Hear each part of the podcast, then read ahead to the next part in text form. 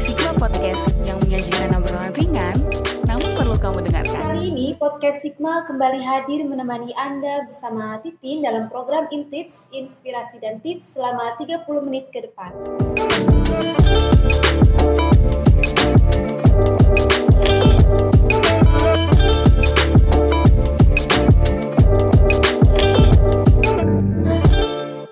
Assalamualaikum warahmatullahi wabarakatuh. Halo Sigmania, apa kabar hari ini? Semoga baik-baik aja dan sehat selalu ya di mana pun Anda berada.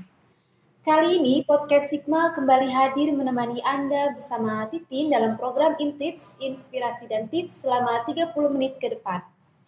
Nah, Sigmania, hari ini podcast Sigma di program Intips menghadirkan narasumber dari mahasiswa kesehatan masyarakat karena kita akan bahas terkait menjaga kesehatan tubuh saat puasa di tengah pandemi. Nah, lagi musim pandemi begini, sebagai umat muslim kita tetap diwajibkan untuk menjalankan ibadah puasa kan? Eits, meskipun lagi puasa, kesehatan tetap yang utama ya sigmanya. Supaya puasa kita lancar, perlu juga menjaga kesehatan apalagi di masa pandemi begini. Makanya jangan ke mana-mana karena kita sudah tersambung dengan Kak Sita Oktaviani Eka Putri dari Mahasiswa Kesehatan Masyarakat Universitas Palatehan sekaligus merupakan Duta Genre Top 5 tahun 2019. Assalamualaikum Kak Sita, apa kabar nih? Waalaikumsalam, Alhamdulillah kabar baik. Lagi sibuk apa akhir-akhir ini ya Kak? Um, sebenarnya sibuk pada seperti mahasiswa pada umumnya, sibuk kuliah, sibuk ada organisasi juga sibuk kerjain tugas pastinya.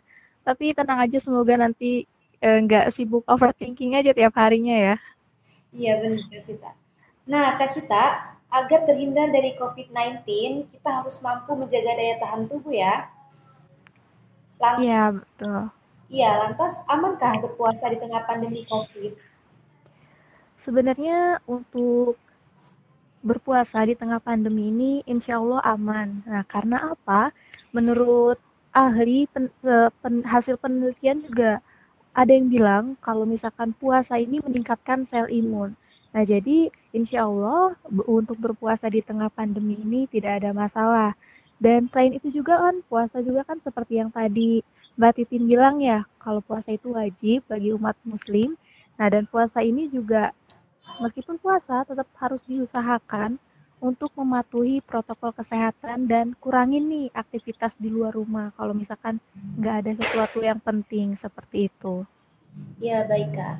Jadi bagaimana nih tips menjaga daya tahan tubuh? Nah tipsnya itu yang pertama kita tuh harus bijak memilih asupan nutrisi yang kita konsumsi misalkan kayak karbohidratnya berapa, proteinnya berapa, lemaknya berapa. Nah, itu makanan yang kita konsumsi itu benar-benar harus diperhatikan. Nah, terus penuhi gizinya juga. Nah, setelah puasa kita nih jangan buka puasa jangan asal kenyang aja gitu loh.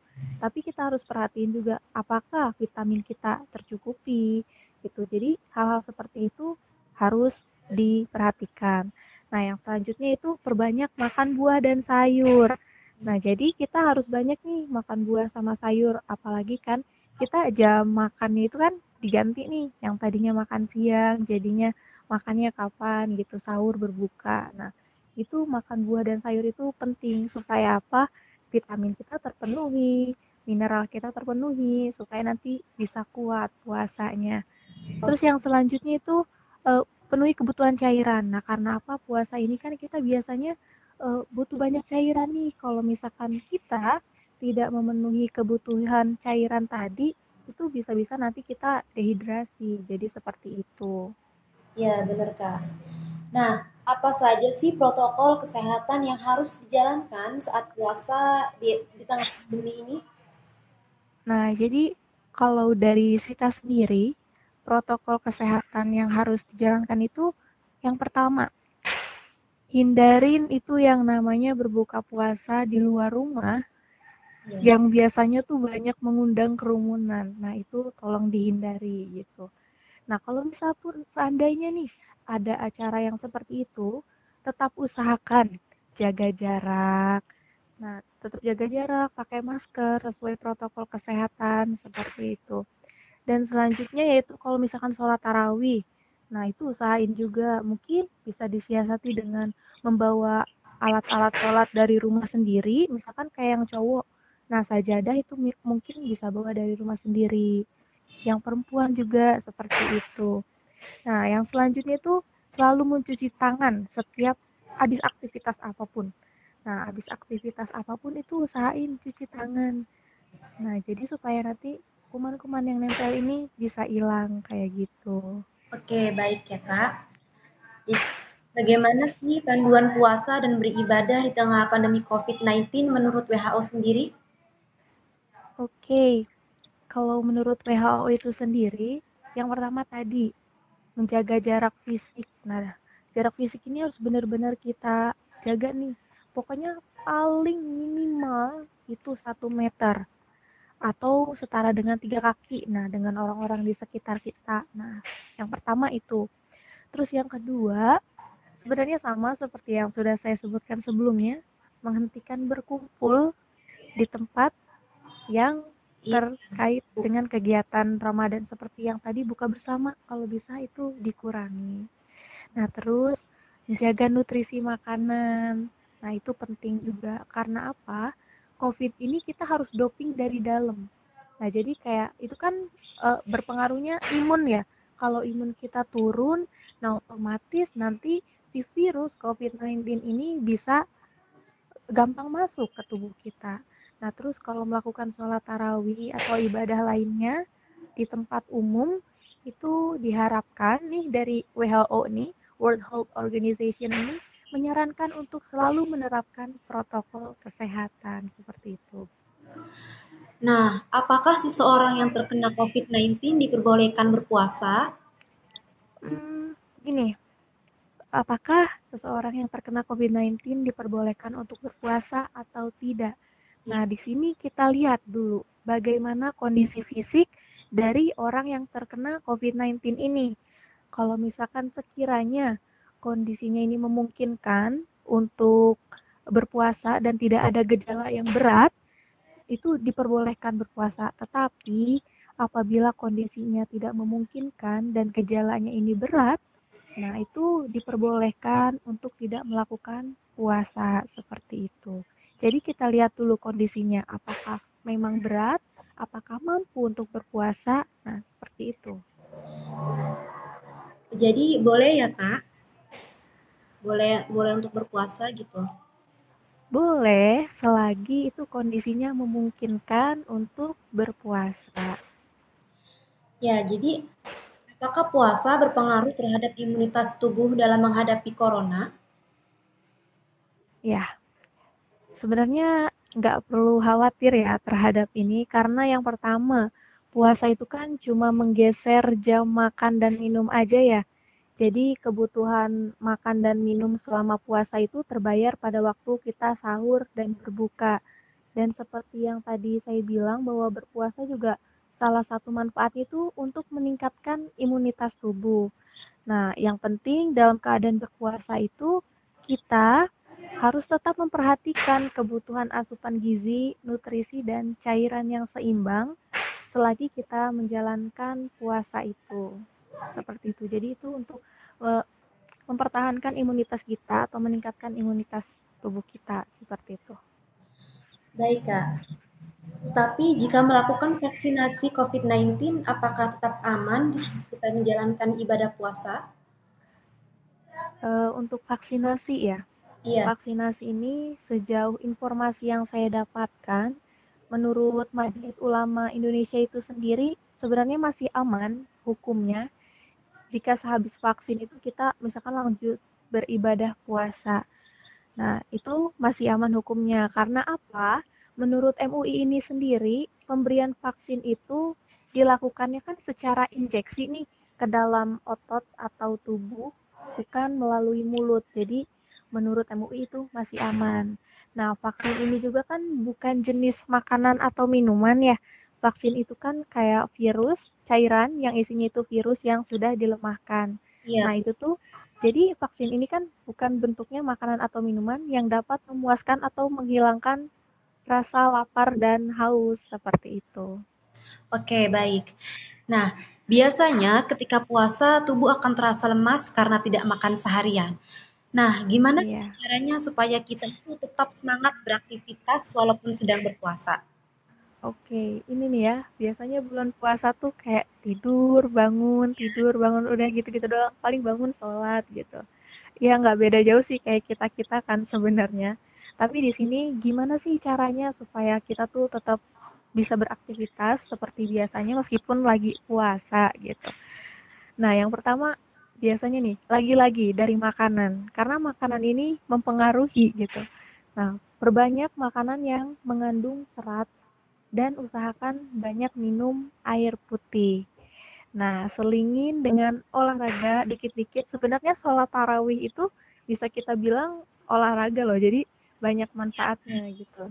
Nah, terus yang ketiga tuh, selalu sempatkan buat tidur siang. Nah, tidur siang ini nggak usah lama-lama, jangan 3 jam. Nah, cukup kayak sekitar 30 menit gitu. Terus yang keempat, tidak berlebihan saat berbuka. Biasanya nih, kan abis puasa seharian, uh pas buka balas dendam nih, semua makanan dimakan kan. Iya, Nah, itu jangan, sebenarnya kebiasaan yang kurang baik. Terus yang kelima itu istirahat cukup. Nah, dan yang terakhir itu usahakan kita mengkonsumsi vitamin ataupun biasanya makanan-makanan yang bisa meningkatkan daya tahan tubuh kita, seperti itu. Nah, baik. Apakah makanan yang kita konsumsi ketika sahur akan berpengaruh juga terhadap stamina kita ketika berpuasa? Oke, pastinya itu sangat berpengaruh.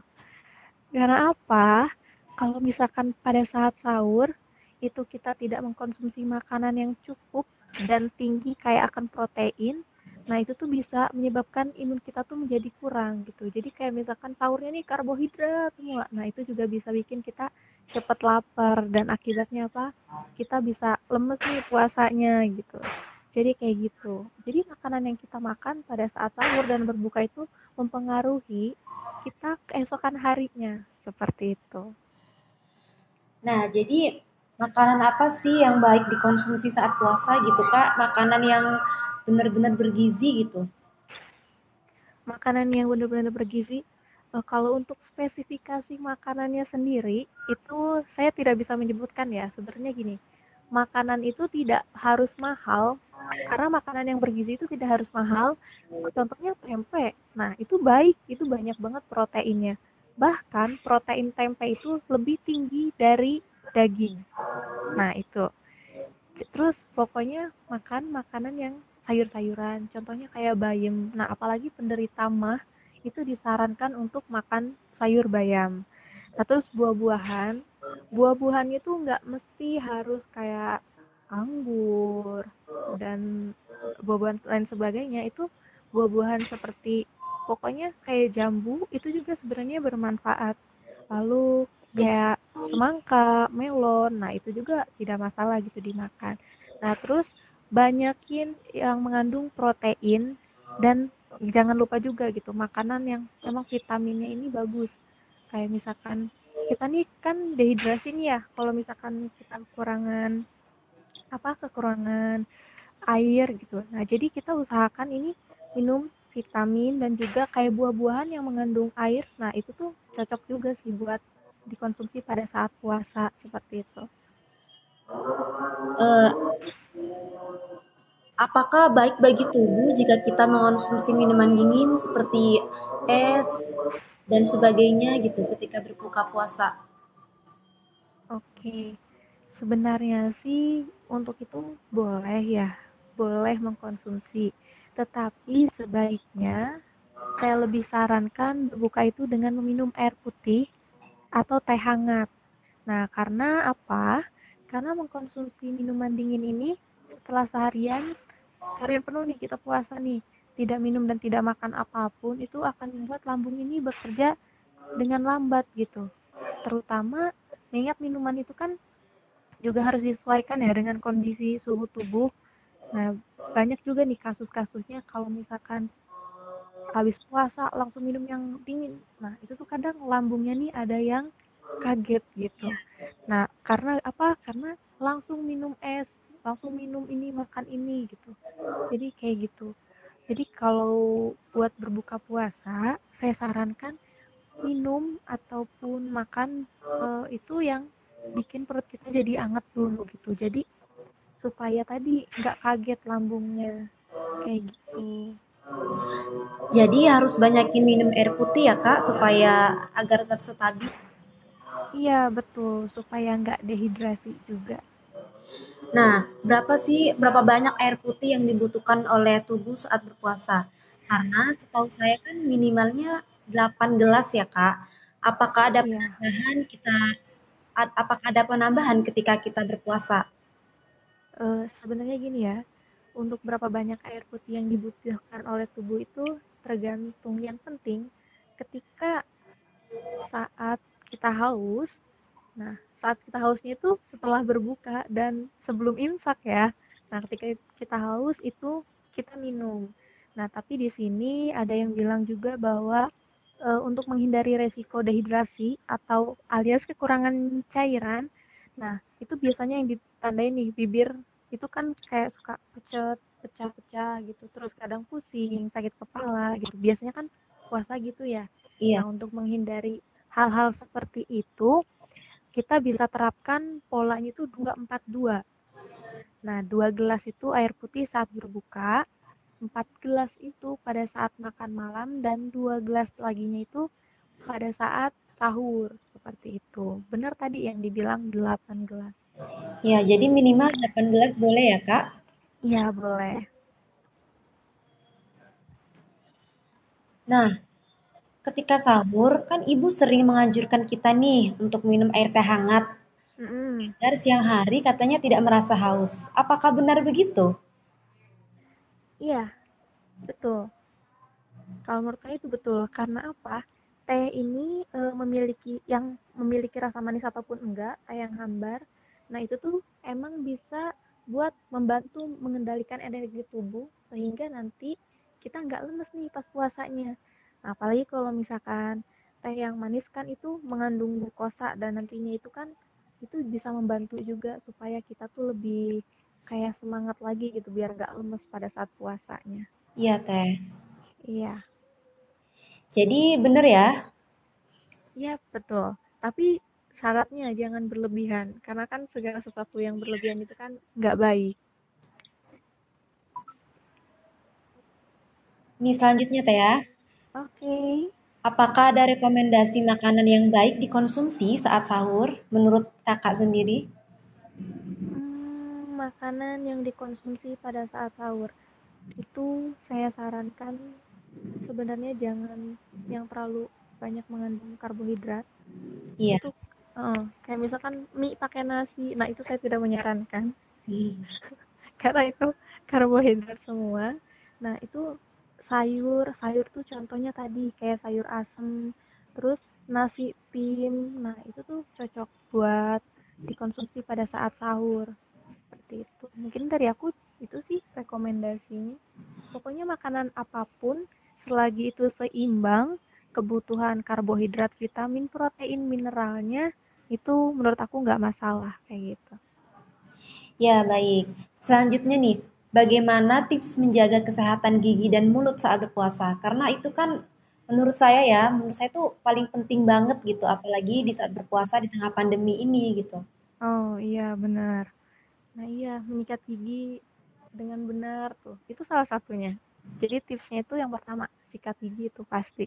Setelah sahur nih kalau bisa kita langsung sikat gigi nih gitu. Terus yang kedua perbanyak makan sayur dan buah yang mengandung vitamin C.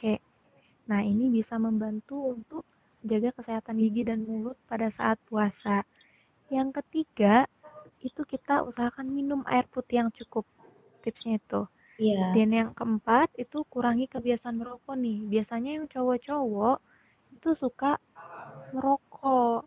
Tuh, jadinya iya, iya kadang berpengaruh juga sama hmm, kondisi kesehatan mulutnya itu. Terus yang terakhir itu biasanya hindari jenis makanan yang berbau menyengat. Contohnya, kalau bulan puasa kuranginlah makan kayak jengkol, kayak pete atau duren. Nah, itu uh, kalau bisa dikurangi seperti itu. Oke, baik, Kak. Mm-mm. Pertanyaan selanjutnya terkait wanita hamil ya. Oke, wanita hamil ya. Ya, apakah wanita hamil dianjurkan untuk berpuasa menurut kesehatan? Nah, wanita hamil, kita balik lagi. Apakah kondisi si ibunya ini bisa buat menjalankan ibadah puasa, mampu menjalankan ibadah puasa. Lalu yang kedua, kita lihat kondisi janinnya. Nah, apakah janin tersebut kalau misalkan kita ajak untuk berpuasa itu bisa? Nah, ataupun kalau misalkan kondisi janinnya yang lemah, itu saya sarankan untuk tidak berpuasa. Dan ini kalau misalkan ibu hamil untuk bisa nggak sih saya puasa, bisa nggak sih karena saya pengen puasa gitu. Nah itu saya sarankan untuk konsultasi kepada bidan atau dokter kandungannya supaya apa? Supaya dicek dulu kondisi janinnya, kondisi ibunya, apakah benar-benar kondisinya siap. Nah itu boleh diperbolehkan untuk berpuasa. Nah tapi kalau misalkan kondisi ibu dan janinnya itu tidak optimal dan tidak memungkinkan untuk puasa, itu lebih baik tidak berpuasa. Karena kan kita kurang lebih 12 jam ya, itu nggak makan dan nggak minum pada saat berpuasa. Nah, dikhawatirkan ini akan mempengaruhi kesehatan ibu dan janinnya juga. Lagi pula, menurut saya agama Islam itu agama yang fleksibel ya, karena kita juga belajar yang namanya rukhsah atau keringanan. Nah, dalam menjalankan suatu ibadah apabila ada kondisi tertentu kita itu tidak bisa menjalankan itu ada keringanannya. Mungkin kalau misalkan kondisi ibunya tidak bisa itu kan bisa menggantinya atau mengkodonya nanti ataupun membayar yang namanya itu fidyah. Nah, setahu saya seperti itu. Jadi emang Islam ini menurut saya agama yang luar biasa ya. Jadi setiap segala sesuatu itu pasti ada ketentuannya gitu. Iya, Menurut saya itu sih. Jadi semuanya tuh tergantung dengan kondisi ya, kondisi si ibu hamil sama kondisi janinnya. Iya, betul. Nih, selanjutnya Kak, bagi seseorang yang menderita sakit mah, apakah dianjurkan juga untuk berpuasa? Ya, sebenarnya gini, yang biasanya mah itu peningkatan asam lambung kan ya. Nah, peningkatan asam lambungnya ini biasanya terjadi pada minggu-minggu awal. Karena apa? Masih kayak ini lambung itu Iya, beradaptasi dulu gitu. Beradaptasi kan yang biasanya sarapan pagi, terus makan siang, terus habis itu nanti makan malam gitu. Nah, itu kan pindah nih jadwalnya. Yang tadinya sarapan pagi jadinya pas buka puasa ataupun pas sahur gitu. Jadi kayak jadwalnya ini kan berubah gitu. Tetapi setelah mungkin minggu kedua, minggu ketiga itu akan kembali normal. Jadi kayak lambung kita nih udah terbiasa. Nah, masalah dianjurkan atau tidak, kalau misalkan yang apa memiliki penyakit mah itu kalau kondisinya tidak terlalu buruk itu di, masih bisa dianjurkan dengan disiasati dengan makanan-makanan yang cocok nanti pada saat berbuka sahur dan sahurnya seperti itu. Terus eh, sederhananya gini, jadi tubuh itu kan butuh penyesuaian nih. Nah, pen- dalam penyesuaiannya ini kita usahakan sebisa mungkin mensiasati dengan tadi makanan-makanan yang emang pas nih buat lambung dan buat perut yang emang menderita penyakit mah. Jadi kalau buat yang menderita penyakit mah jangan aneh-aneh buka puasanya, apalagi buka puasa nanti setelah buka puasa makan seblak, aduh. Ini dengerin tidak saya sarankan ya. Ya biasanya kan gitu ya, kadang kita yang punya penyakit mah itu sendiri, kita tahu punya penyakit itu, tapi suka ngeyel gitu, makan makanan yang seharusnya tidak kita konsumsi seperti itu. ya, biasanya cewek-cewek itu ya, Kak. Iya, Kak mau maunya seblak katanya kayak gitu. Emang cocok banget sih seblak itu emang mantap lah. Iya, mantap kalau hari-hari biasa, serius. Tapi kalau buat eh, bulan puasa seperti ini, saya sarankan untuk tidak mengkonsumsi seblak terlebih dahulu. Oke, baik. Iya, Mungkin kakak punya tips nih agar penderita MA itu bisa berpuasa dengan aman sehingga maknya maknya itu tidak kambuh ketika puasa. nah oke. Yang pertama, makan secukupnya. saat sahur dan berbuka. Nah, supaya apa? Kondisi lambung kita juga nggak bekerja terlalu keras gitu. Terus makannya jangan terburu-buru. Nah, ini kan bisa makan terburu-buru tuh biasanya kan gasnya ikutan masuk nih ke dalam tubuh kita. Nah, akhirnya apa? Jadi kembung seperti itu. Terus hindari makanan pemicu sakit mah. Contohnya makanan yang asam, yang bersantan, terus pedas. Nah, itu tolong dihindari. Iya, Terus, dihindari. iya, yang keempat itu kita pilih menu makanan yang tepat. Yang tepat tuh apa? Ya iya, yang sesuai dengan kondisi tubuh kita, kayak gitu.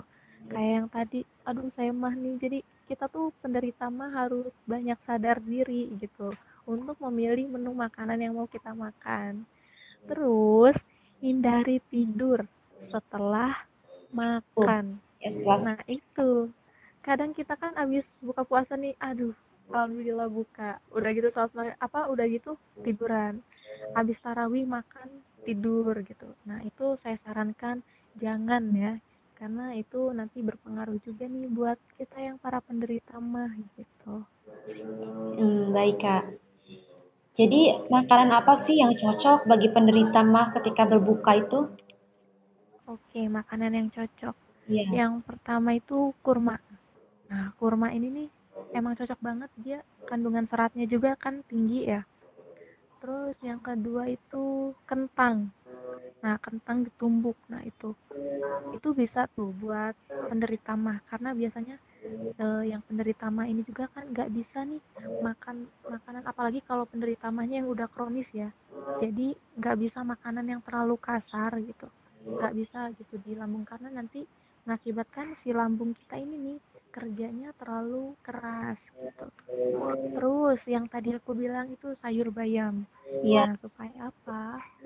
Nanti eh, perut kita ini jadi lebih enak kayak gimana sih kan bayam tuh nantinya adem ya di dalam tubuh kita di dalam perut kita. Nah, itu tuh berguna pada saat puasanya gitu. Jadi supaya nanti kan penderita mah nih kadang saya juga kadang kasihan ya sama penderita mah nih iya, makan makannya tuh susah gitu. Jadi harus pilih-pilih gitu. Terus yang terakhir itu nasi tim. Nah, saya sarankan itu nasi tim tadi. Karena apa? Nasi tim ini yaitu tadi kan teksturnya juga lembut kan. Jadi buat nanti para penderita mah ini bisa membantu lah iya. kayak gitu. Mm. Ini Kak, terakhir ya.